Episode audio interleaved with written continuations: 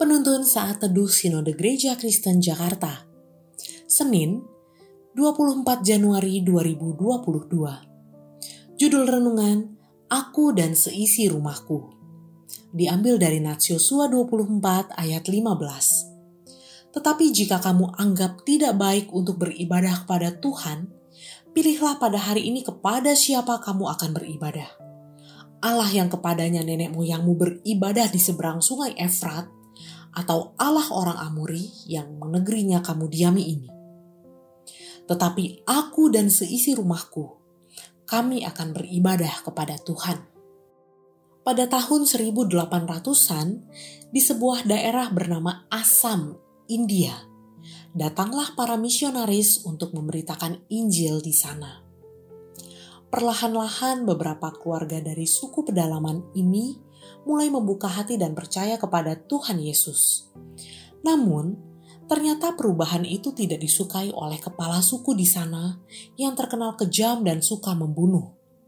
Diceritakan bahwa suku Asam juga melakukan praktik kanibalisme. Lalu, ia mengumpulkan semua keluarga yang telah menerima Yesus dan menyuruh mereka meninggalkan iman mereka. Nokseng seorang kepala keluarga ditantang oleh kepala suku. Jika kamu tidak mau meninggalkan imanmu, maka bukan hanya kau yang mati, tapi juga istri dan anak-anakmu. Dikuatkan oleh Roh Kudus, Nokseng menjawab, "Walau sendiri, ku ikut Yesus. Salib di depan, dunia ku tinggal, ku tak ingkar." Dan itulah ucapan terakhir dari Nokseng, sekaligus pengakuan imannya yang kemudian menjadi lagu dengan judul Mengikut Yesus Keputusanku. Di akhir dari perjalanan hidup Yosua, ia rindu agar bangsa yang telah dipimpin Allah memasuki Kanaan tetap berkomitmen untuk mengikut Allah. Maka, ia mengumpulkan semua suku Israel di Sikem dan mulai menceritakan tentang perbuatan-perbuatan Allah yang ajaib yang telah ia lihat dengan mata kepalanya sendiri sejak keluar dari Mesir. Di tengah khotbahnya itu, ia menantang semua suku Israel untuk kembali memilih kepada siapa mereka ingin mengabdikan hidup mereka. Kepada ilah-ilah lain yang tidak jelas, atau kepada Allah yang telah nyata bukti kasihnya memimpin Israel hingga ke tanah perjanjian.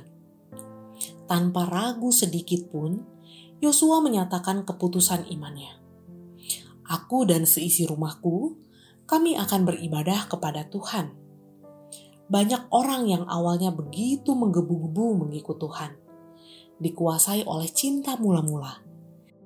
Mereka mengikut Yesus tanpa kompromi sedikit pun dengan dosa namun, lambat laun dalam perjalanan iman, mereka melalui kerikil dan jalan yang berbatu. Ternyata menjadi orang Kristen bukan berarti hidup tanpa pergumulan. Akhirnya, mulai kompromi dengan dosa dan komitmen mereka untuk mengikut Yesus pun mulai memudar. Hari ini, coba periksa kembali hati Anda. Kepada siapakah Anda mengabdikan diri? Tuhankah? Atau ada yang lain? Salib adalah tanda kasih Allah yang ditunjukkannya secara nyata. Kita memilih Dia karena Dia yang terlebih dahulu memilih kita di dalam Kristus Yesus. Terpujilah nama Tuhan.